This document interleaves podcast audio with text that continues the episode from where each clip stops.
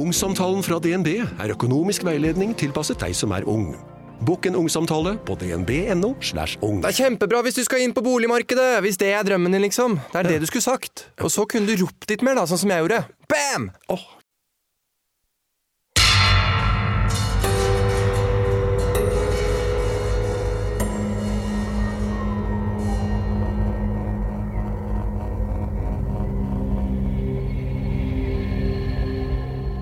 Han har lagt seg for lengst. Det er natt til mandag den 18. oktober 1976.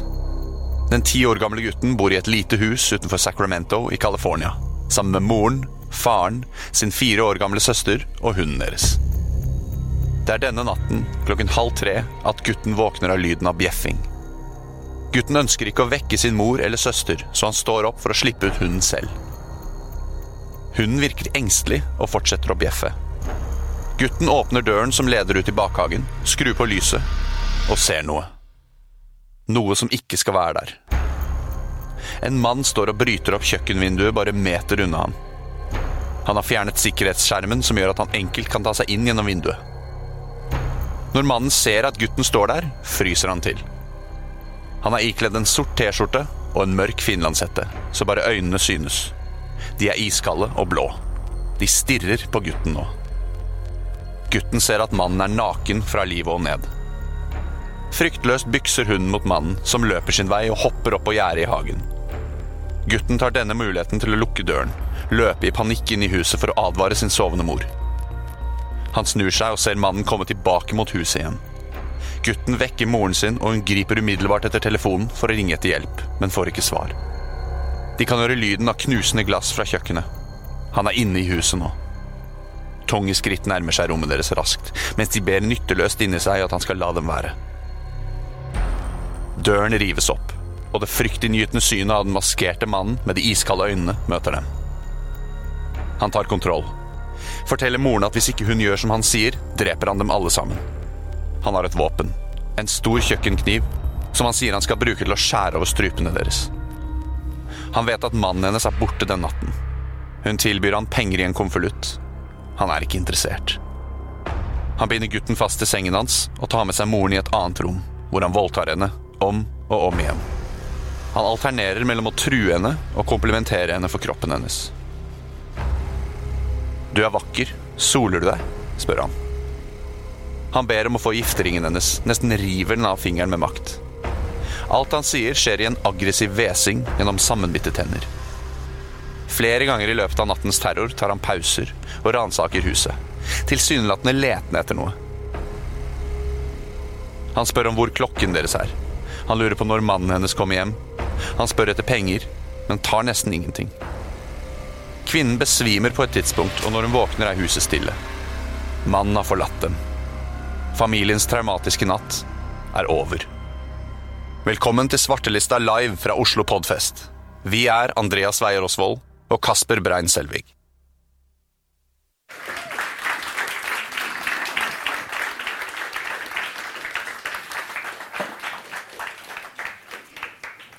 Hei, alle sammen. Velkommen eh, hit. Vi er da Svartelista. Hei, hei. Eh, Jeg heter Kasper, og sammen med Andreas her så lager jeg eh, Svartelista. Og både og. De må også med. Eh, Vi forteller uh, de grusomme historiene fra virkeligheten. En av de dere hørte nå, som kommer fra vår kommende sesong, som slippes i, uh, i påsken. Eh, I disse to sesongene så har vi snakket om seriemordere. Og ja, jeg tenkte egentlig å begynne med en liten håndsopprekning. Se hvor mye dere kan om seriemordere. Hvor mange her i salen tror at man blir en seriemorder fordi man har en, eh, et psykopatgen? En genfeil. Ja. Han ene. Hvor mange tror at det skyldes traumer fra barndommen? Here we go. Par. Hvor mange tror det skyldes et slag mot hodet? Hvor mange tror det skyldes en eh, mikroskopisk penis? Ok, ja. Vi ser deg. Takk. Nydelig. Eh, vi har jobbet mye med dette her, og de fire tingene jeg nevnte nå, er ting som ofte kommer opp som potensielle årsaker til hvorfor folk er seriemordere. For det er mye rart i true crime-sjangeren, spesielt om seriemordere. Uh, og det er litt av det vi prøver på med Ja. Svartelista, er å avmytifisere hele den sjangeren opp og si, og forholde oss til det som faktisk er riktig. da. Og det er litt av det vi skal prøve å gjøre her i dag. Er det Ja. ikke det, Andreas? Det er det. Vi prøver å, uh, det vi gjør, er jo at ja, vi prøver å skaffe liksom hele pakka. Uh, se på det hele mennesket. At uh, det er ikke bare en liten penis som skal til for at du dreper uh, ti stykker. Ikke bare, men det kan være. For, å, ja. sorry, for å si noe om litt om hvor møysommelige og pirkete vi er i arbeidet vårt. Da. Vi brukte et helt år på den forrige sesongen vår med å gjøre research, intervjuer med eksperter, uh, ofre, pårørende, politifolk. Eh, og eh, et godt eksempel på hvor møysommelige vi er, er å se på denne eh, Logoen vår? Logoen vår eh, den er laget av både og, produksjonsselskapet vårt.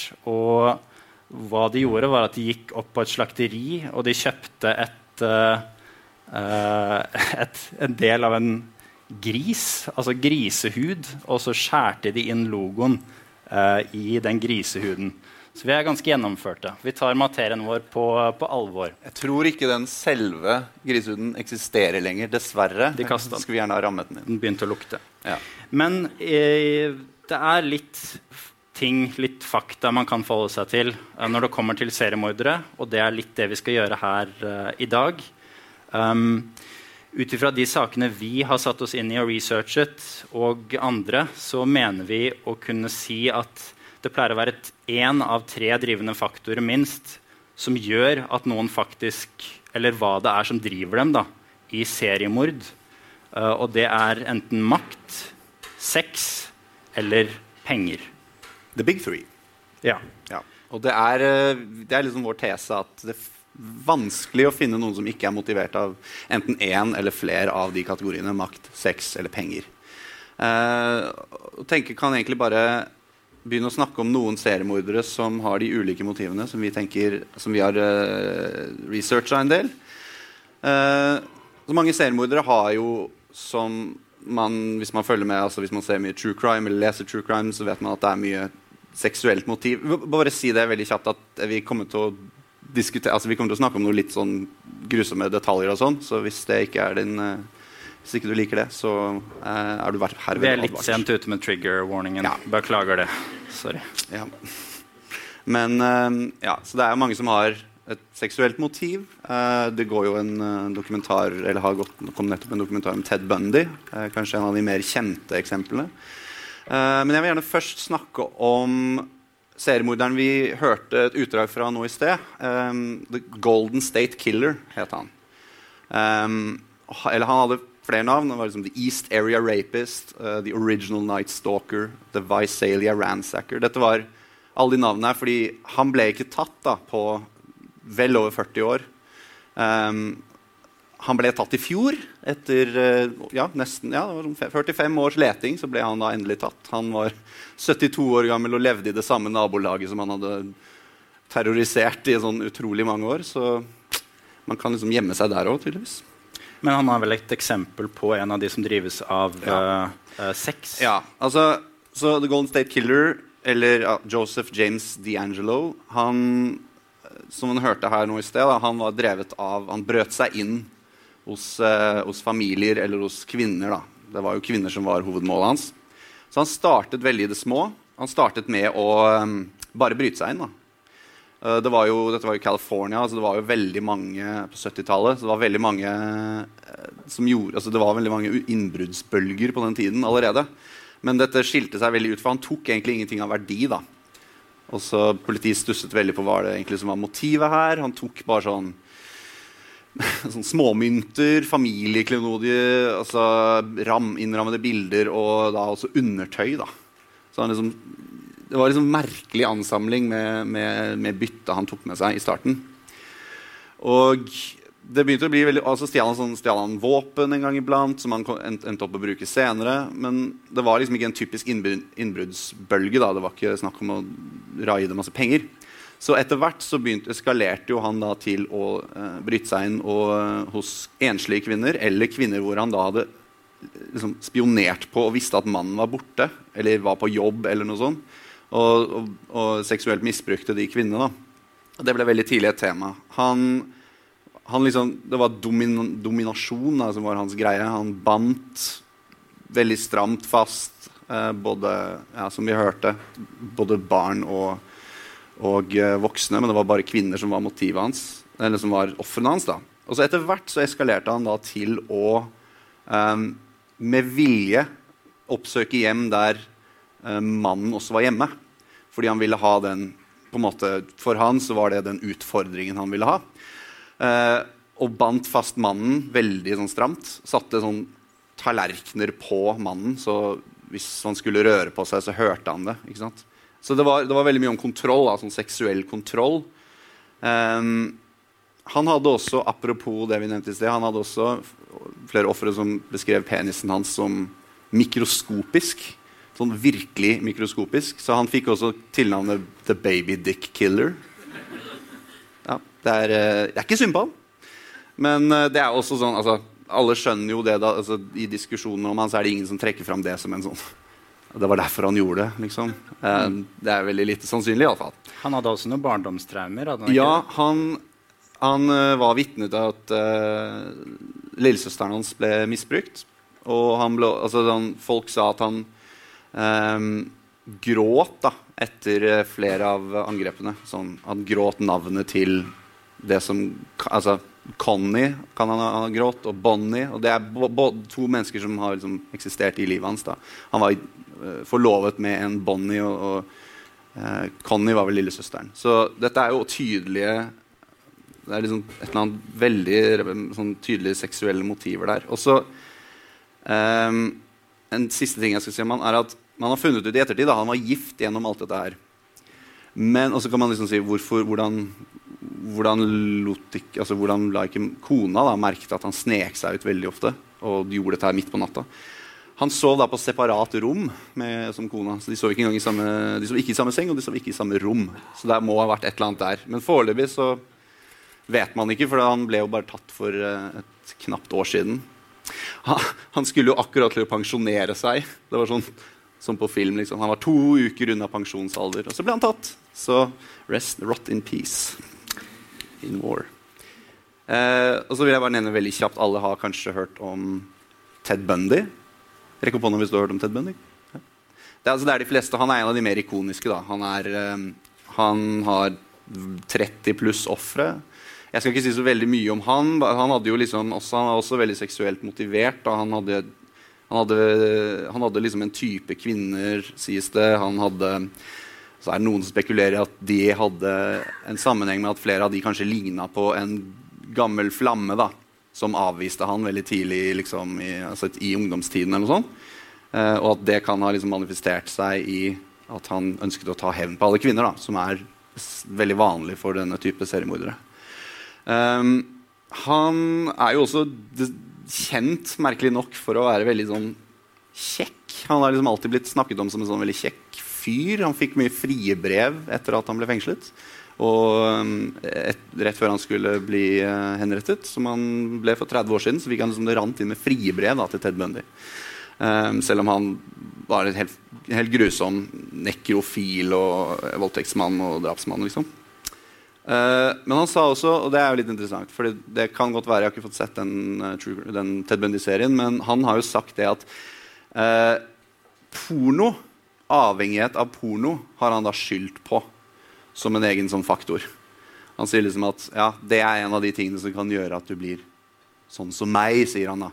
Og så har han jo liksom blitt sitert på at TV-vold Hvis man ikke er forsiktig med det, og liksom at, man, at man passer på at man ikke må eksponere små gutter for det, fordi det avler opp flere Ted Bundyer.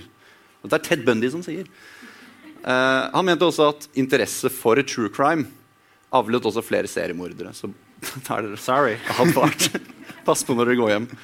Uh, ja, og så Før vi går videre her, så skal jeg bare uh, nevne liksom hvordan han fortsatt blir beskrevet i media, da, Ted Bundy. Dette er noen uh, headlines, altså noen overskrifter, som jeg fant uh, fra i år. Ted Bundys murderous charm still polarizes 40 years later. En annen er Ted Bundy was deeply mediocre, so why are we romanticizing him?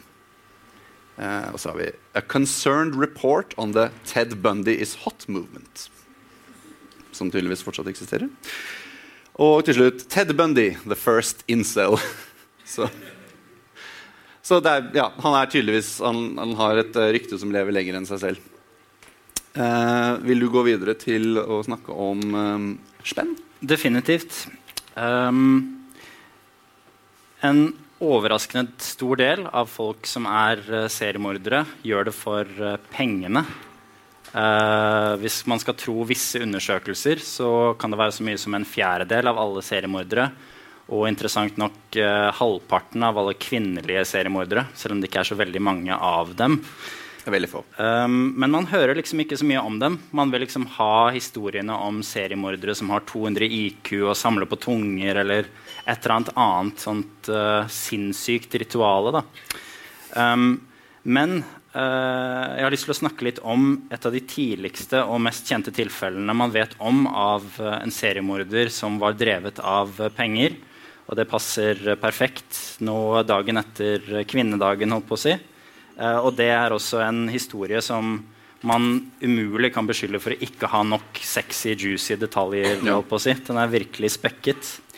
Uh, alle som har vokst opp med Guinness rekordbok, er kjent med henne fordi hun har rekorden for å være den kvinnelige seriemorderen med flest uh, ofre i, uh, i, historien. Og ikke bare, ikke bare, det. Hun har til og med noe så sjelden som et norsk opphav. Vi har mhm. ikke så mange av de.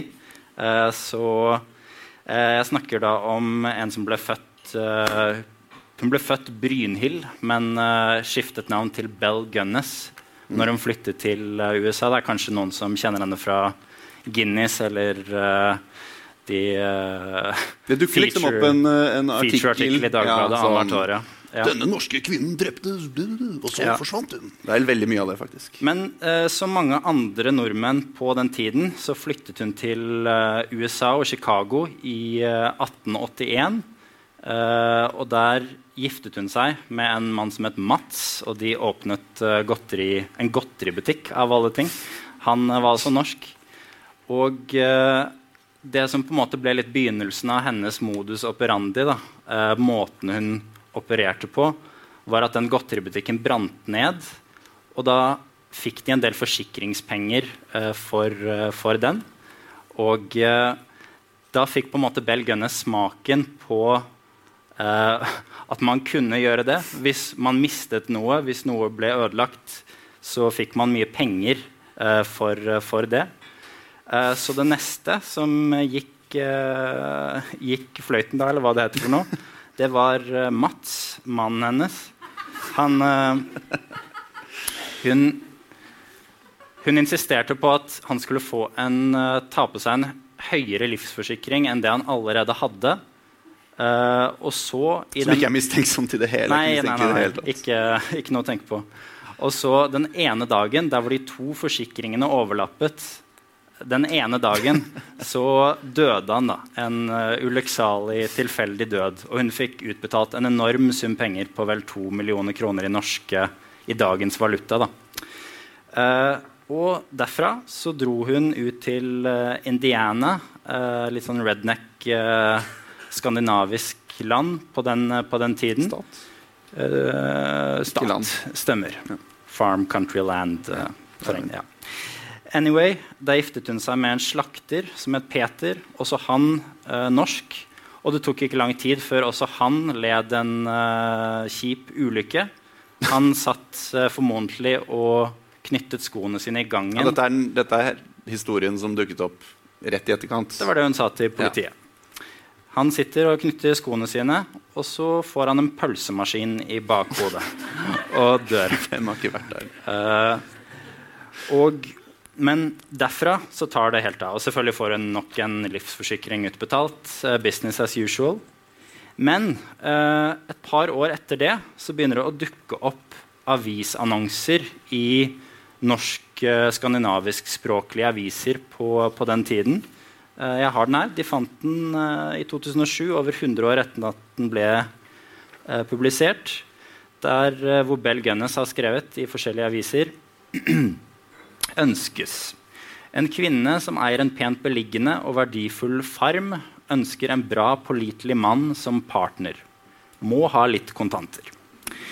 Eh, og det var veldig mange norske ensomme menn på den tiden. De fleste som migrerte til USA, var jo menn. Eh, og var, de var ikke så gode i engelsk. Det var ikke så mye å velge mellom av forskjellige eh, potensielle ektefeller da, på den tiden. Så én etter én begynte de å brevveksle med uh, Bell Gunnes. Og hun skrev til dem om hvor fantastisk det var på farmen sin, at komme. at de måtte komme. Hun skulle lage dem fantastisk uh, tradisjonell trøndersk husmannskost. Og det skulle bli helt fantastisk. da. Og så begynte de å komme én etter én. det var tre forbehold alle som ville komme til henne, måtte gjøre først. før de fikk lov. Og det ene var å ta ut alt de hadde av uh, kontanter. Mm. Deretter så måtte de uh, la være å fortelle til noen hvor de skulle. Og så måtte de sy inn alle pengene i uh, undertøyet sitt. Ja. ikke mistenksomt i det Nei. hele tatt. Det er sånt man Nei, gjør. Helt vanlig. og når de først hadde kommet dit, og hun hadde fått laget dem litt trøndermat, og hun hadde sovet litt med dem, og alt det der Uh, ja, jeg prøvde å være litt. Ja.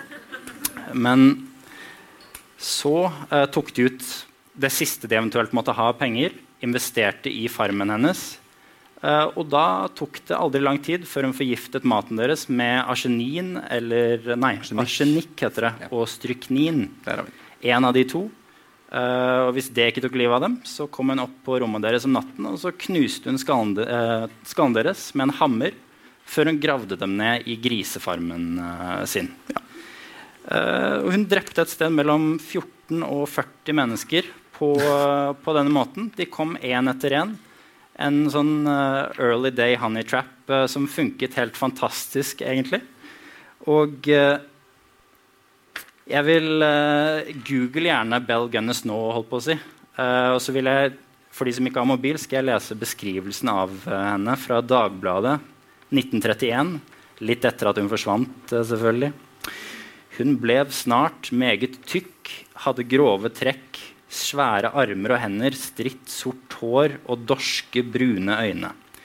Men de kom uh, for uh, den amerikanske drømmen. Holdt på å si. De ville ha en bit av denne farmen hennes og uh, jeg vet ikke hva. Og hun står igjen i historiebøkene som en av de som har drept aller flest og den som har drept aller flest av uh, kvinnelige seriemordere. Mm. Uh, historien ble avsluttet da hun Det begynte å bli litt hett rundt ja. henne. Og hun uh, Tro det eller ei, altså noen av familiemedlemmene til disse mennene som tar, reiser over hele landet, si, bare begynte å lure hvor er det egentlig broren min har blitt av nå. Hva skjedde egentlig med han? Ja, hva skjedde med han? Ja. så plutselig en dag så brenner gården hennes ned. Og i kjelleren så finner de eh, likene av barna til Bell Gunnes. Og de finner et kvinnelik uten hode. Uh, så det måtte jo være henne, selvfølgelig. Men når de tok litt nærmere titt på det liket, så viste det seg at det tilhørte en kvinne som var ca. 1,60 høy. Og hun var drøyt uh, eh, 1,80 eller over uh, Bell ja. Gunnes. litt rart. Så hun kom seg antageligvis unna, og det er egentlig utypisk for denne uh, typen seriemordere. Det er mange som dreper pga. pengene, men det er ikke veldig gunstig Nei. å drepe for penger. De fleste blir er, tatt til slutt. Ja. Det begynner liksom å bli vanskeligere å skjule sporene sine. rett og slett. Det tjener ikke så bra heller. Nei. Man kan liksom bli økonom, eh, regnskapsfører isteden og tjene ja. mye bedre. Du kan også svindle folk uten å drepe. Det er sånn tips til salen. Ja, vær så god. Uh, man kan, gjøre, man kan så, svindle uten å drepe folk. Mm. Men uh, ja. Men hun kom unna med millioner av kroner, sannsynligvis. Og levde, for alt jeg vet, et hyggelig, uh, fredfullt liv med alle de pengene hun hadde tjent på å drepe. Så, så, det. Ja. Mm. Og eh, ja, altså, vi har jo, for de som vil vite hele denne historien i alle sine praktfulle detaljer, så har vi laget en episode på Bell Gunners eh, i vår første sesong. Og en annen vi også har lagd en episode på, er en fyr som heter, eller blir kalt, Lasermannen. Eh, mulig noen har hørt om han òg. Han var primært kjent for å eh, gjøre forsøk på attentat på, på, utlendinger i Sverige i 1991 og 1992. Eh, han var jo egentlig altså, Han het Jon Ausonius. Han var sønn av to, eh, to innvandrere. Eh, og han vokste opp i et Sverige hvor, på 1950- og 60-tallet hvor det var veldig uvanlig å være innvandrer. Og han var en, han liksom den eneste gutten med sort hår og ble gjort narr av hele tiden. Så det bidro jo da til at han eh, rett og slett begynte å hate både seg selv og ha en sånn trang til å passe inn. Men han fikk også en sånn veldig trang til å leve luksuslivet. For han fikk liksom smaken på det da han var eh, Han drev med noen aksjegreier. Og så ble han plutselig rik, og så ble han selvfølgelig plutselig fattig. For han visste jo ikke hvordan han skulle spare penger. Og da begynte han å kombinere trangen til å skremme Sverige til å kaste ut alle innvandrerne. Eh, og kombinere det med ønsket sitt penger. Så han om hverandre så prøvde han å skyte innvandrere i, i Stockholm. Og så ranet han banker. Og det er overraskende lenge dette fungerte. Eh, og ja, han, han, han klarte heldigvis bare å drepe to, men han skadet ni andre. Eh, han sitter jo nå inne da, i, um, i Sverige i, på livstid. Han, det kom jo til og med en fyr som var inspirert av han, som de bare kalte Lasermannen 2, sånn nesten 20 år etterpå. Kjipeste navnet å ha. Ja. sånn, sånn, fikk ikke engang et originalt tilnavn. Ja, ja. Eh, men han, han, skal ha sagt, da eh, Jonas Sonius eller Lasermannen 1, han skal ha sagt at pengene etter hvert ble det viktigere å, å skaffe penger. Fordi han brukte opp pengene på sånn utrolig dyre møbler. Han brukte det på å reise til Sør-Afrika for å jakte på løver. Altså, sånn, han, han, brukte opp alle pengene sine på sånne ekstravagante greier. Eh, så han hadde sagt at liksom, etter hvert, så, Først så var egentlig bankranet en, mul en, mulighet for å finansiere det politiske budskapet sitt.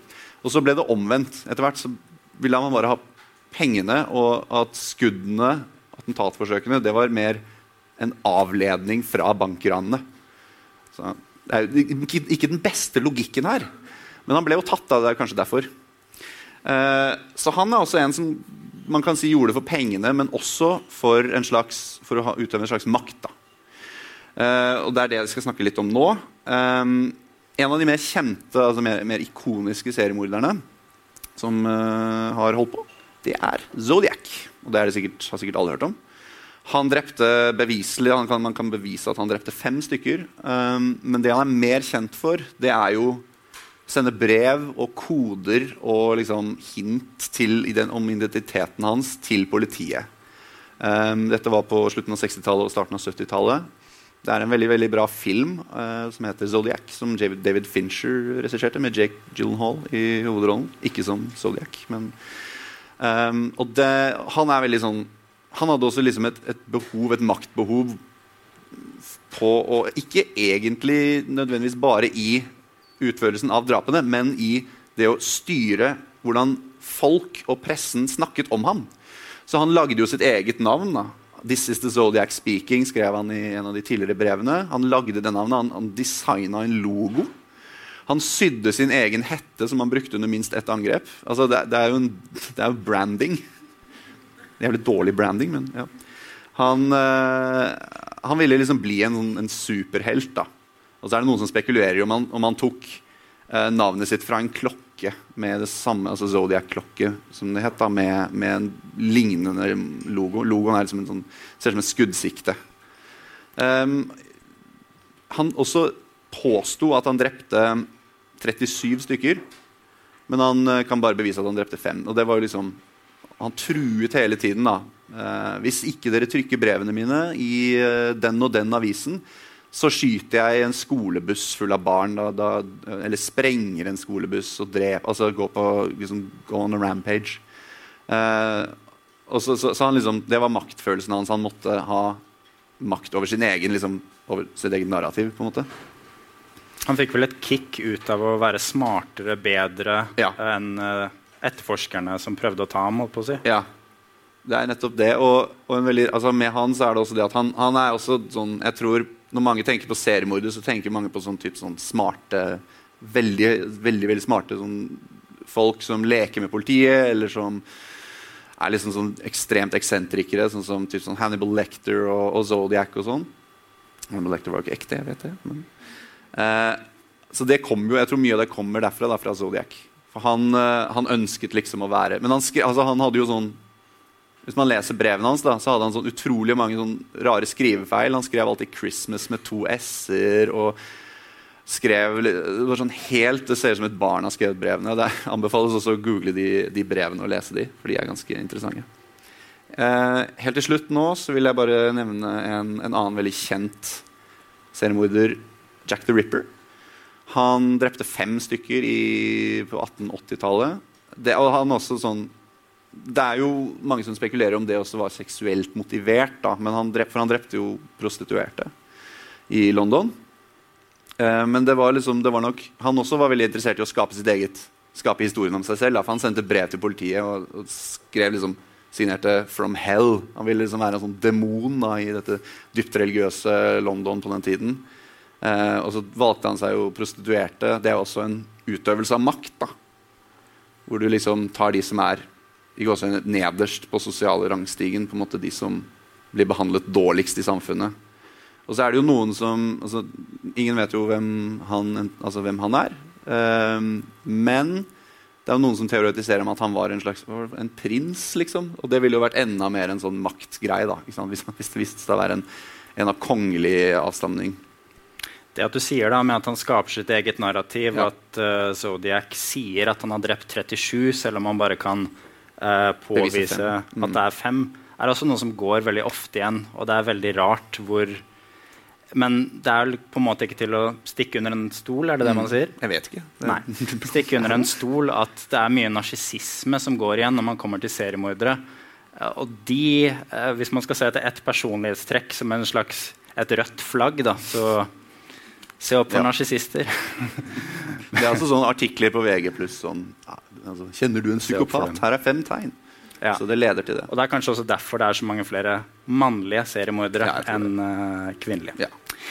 Men det er også noen som ikke går inn under noen av disse uh, drivende faktorene. Sex, makt, si. penger. Sex, makt og penger. Vi har jo f.eks. Arnfinn Nesse her fra Norge. Mm. Uh, som var en sykepleier som tok livet av vel, hvor mange var det? 23? Ja, det var i hvert fall noe oppi der, ja. Jeg husker ja. ikke helt hvor mange. Og hans påstand var vel at han gjorde det ut ifra en slags uh, Det var sånn mercy killings. Ja, det var liksom, si. Han sa jo at han hørte stemmer som befalte han om å la disse gamle menneskene da, på sykehjemmet få slippe. Slippe fri. Så han i kraft av å være, ha den høye stillingen også. Han fikk muligheten til å bestille et ekstremt farlig legemiddel som da tok livet av disse. Altså, det var jo ikke forsvarlig at han kunne det, men i den posisjonen da, så gjorde han det. På, ja, det, han, passer, han, han, passer, kanskje ikke inn i sånn helt Hvis man skal tro hans versjon, da, så at han gjorde dette, altså, at han hørte stemmer i hodet. Men så er jo også, man kan jo si at det er en slags sånn maktutøvelse. da Mm. At man ønsker å liksom jeg, jeg, skal, jeg, har kontroll over livet ditt, liksom. Jeg, mm. jeg, bestemmer når det skal avsluttes, og jeg avgjør at du skal få eh, At du skal dø. Det er jo mm. en maktutøvelse i seg selv. Mm. Men det finnes mange i den sjangeren som dreper ut av det de selv påstår er en slags barmhjertighetshandling. Da. Ja. Og de er litt vanskeligere å plassere. Men uh, det er et eller annet narsissistisk uh, oppi der uansett. Uh, og uh, vi begynner å gå litt tom for tid, men tid um, en siste type, og en av det jeg personlig synes er mest skummelt, er seriemordere som blir på en måte rekruttert inn i en gruppe, om det er politisk eller religiøst eller hva det måtte være. Mennesker som ikke nødvendigvis har så veldig mye gående for seg. Ingen karriere, et dårlig ekteskap. Uh, hvem, hvem vet? Og som blir tilbudt et eller annet narrativ som er større og mer betydningsfullt enn seg selv. De får en slags egenverd, mm. og de får uh, kanskje viktigst av alt en fiende. Et eller annet ansikt på alt som er galt i livet ditt. Um, Et eksempel på det og en episode som vi uh, gjør i sesong to, som kommer ut nå til påske, er uh, en sak som heter Sebramordene, som utspilte seg på, i San Francisco i 73 og 74, hvor en gruppe med svarte muslimer, litt fra Nation of Islam mm. En liten avgrening må nevnes hele Nation of Islam uh, har ingenting med dette her å gjøre. Men uh, hvor de på en måte ble solgt et narrativ om at alt som var galt i livene deres, var liksom koblet inn i slavetiden og de hvite slangene, de hvite djevlene. Uh, og folk som ikke nødvendigvis Dette var ikke profetene som sto og snakket. Det var tilfeldige folk fra fengsel mm. for eksempel, som ble rekruttert inn i moskeen der ble oppfordret og endte opp med å gå ut i gatene og drepe tilfeldige hvite mennesker. Uh, og da kan man jo ganske lett trekke en slags Knytte noe likhetstrekk til eksempelvis nynazistiske, mm. høyreekstreme miljøer eller IS for den saks skyld. Da. Og jeg for min del foretrekker en klassisk psykopat på 200 IQ som uh, samler på tunger, enn noen som deg og meg da, som kan bli eh, overbevist om å selv, drepe i Guds navn eller i uh, rasen din sitt navn eller mm. hva det måtte være. Ja. Så det er, liksom, det er veldig mange forskjellige typer seriemordere. man tenker jo ofte at det er uh, disse enslige folka. Men uh, ja, er, vi har liksom funnet ut det i vår, i vår, research at det finnes en del grupper. Um, jeg tenkte å kanskje avrunde med uh, noen, Hvis det er noen som har noen spørsmål, eller noen ting vi kan diskutere veldig kjapt. Vil noen vite noe som helst om seriemordere? vil noen fortelle oss noe om seriemordere? Altså, noen som er tilstående? Mm. Ok. Men vi, hvis ikke, har vi fått inn noen spørsmål, da. Um, det første spørsmålet er Jack the Ripper. Dette er fra Tove Sagelili. Jack the Ripper. Sitter Scotland Yard på svaret? Jeg vet ikke. Nei. Altså, det som er med Jack the Ripper, er at det er jo uh, Dårlig matte. 130 år siden dette her skjedde. Det har blitt gjort utallige forsøk. Det har blitt skrevet utallige bøker. Det er, uh, Hvis man ikke finner Zodiac, og det har man ikke gjort på 50 år, så finner man ikke Jack the Ripper. Men de fant jo, sånn som vi snakket om i sted, Golden State Killer ble funnet eh, ved hjelp av DNA. Um, ehm, etter 40 år, omtrent. Eller etter 30 år etter at han uh, ga seg. Um, men, så alt kan skje, men jeg tror ikke det. Jack the Ripper er liksom mer myte enn en faktisk person nesten på det tidspunktet her òg. Hva tror du? Fortsatt Hørtes smart ut, det du sa. Jeg slenger meg på det. uh, fikk et annet spørsmål som jeg uh, faktisk får en del. Blir dere redde av å jobbe med svartelista? Fra Maria Jansen. ja. Blir redde. Det er skummelt. Det er drittskummelt. Har, du, har, eh, du jobbet jo med en sak som du som preget deg skikkelig. Nei, jeg blir ikke redd. Jeg bare synes det er jævlig kjipt. egentlig. Kan innrømme at du blir litt Jeg foretrekker en Red. Bell Gunnes, holdt på å si, da, som på en måte Altså, hun var jo veldig ryddig i måten hun jobbet på. Hun forgifter deg, og så er liksom Ja, ok, merker ingenting, bare sovner inn, og så knuser hun hodet ditt med en hammer. Det kan være det fortsatt gjør vondt. Det er nok litt kjipt. Men uh, sakene som har med liksom sex og overgrep og sånn å gjøre, ja, er, er kjipt å researche i månedsvis. Uh, ja. Så ikke redd, men det er veldig ubehagelig å jobbe med materien. Fått litt mareritt av det, faktisk. Ja. Gøy. Uh, så fikk jeg et spørsmål her før vi gikk på, som er hvorfor tror vi at eller hvorfor, tror man, hvorfor er man så fascinert av seriemordere? Altså fordi Det lages jo hele tiden uh, nye serier eller nye filmer eller uh, skrives nye bøker om liksom, 'Faren min var Zodiac-morderen'. Det skjer sånn hvert femte år. Er det noen som skriver en bok om det? Um, og jeg vet ikke, Hva tror du? Jeg tenker at det er liksom det at altså, ingen av oss forhåpentligvis her inne kunne tenke oss å drepe noen. Um, men når vi leser om drap, så ser man altså Motivene er veldig forskjellige. ikke sant? I et, ikke, altså I et drap man ser oftere hvor det er kanskje det oppstår bråk på byen, eller noen uh, må forsvare seg selv, da kan man liksom sette seg inn i deres uh, sko litt grann, og tenke ok, ja, hvis jeg hadde blitt prest opp i et hjørne, så hadde jeg liksom jeg hadde på en måte skjønt at man kan tråkke over den grensa og drepe noen hvis man føler at livet er i fare. Men seriemordere Det er liksom ingen av oss som jeg tror kan se for seg det å gjøre det. Så derfor er det sikkert en sånn Å lese om det er å prøve å forstå seg på hva faen de tenker. Jeg vet ikke, Hva tror du? Det er en del teorier om at uh, Eller en del meninger om at det er et slags sånn uh, bisarr, nesten seksuell menneskelig tiltrekning til vold, Ja. altså det makabre. Uh, og det ligger nok et eller annet i det. Det er et eller annet så, så mørkt og vondt og uforståelig i, i det som har en slags tiltrekning. Vi vil forstå det vi ikke forstår, uh, på en eller annen måte. Så kanskje det. Nå var det din tur til å høres smart ut. Syns det, jeg- Jeg syns det var fint. jeg, Kasper. Ja. Og med det så tenker jeg at vi kanskje runder av. Uh, Ja. Har du noe du vil si?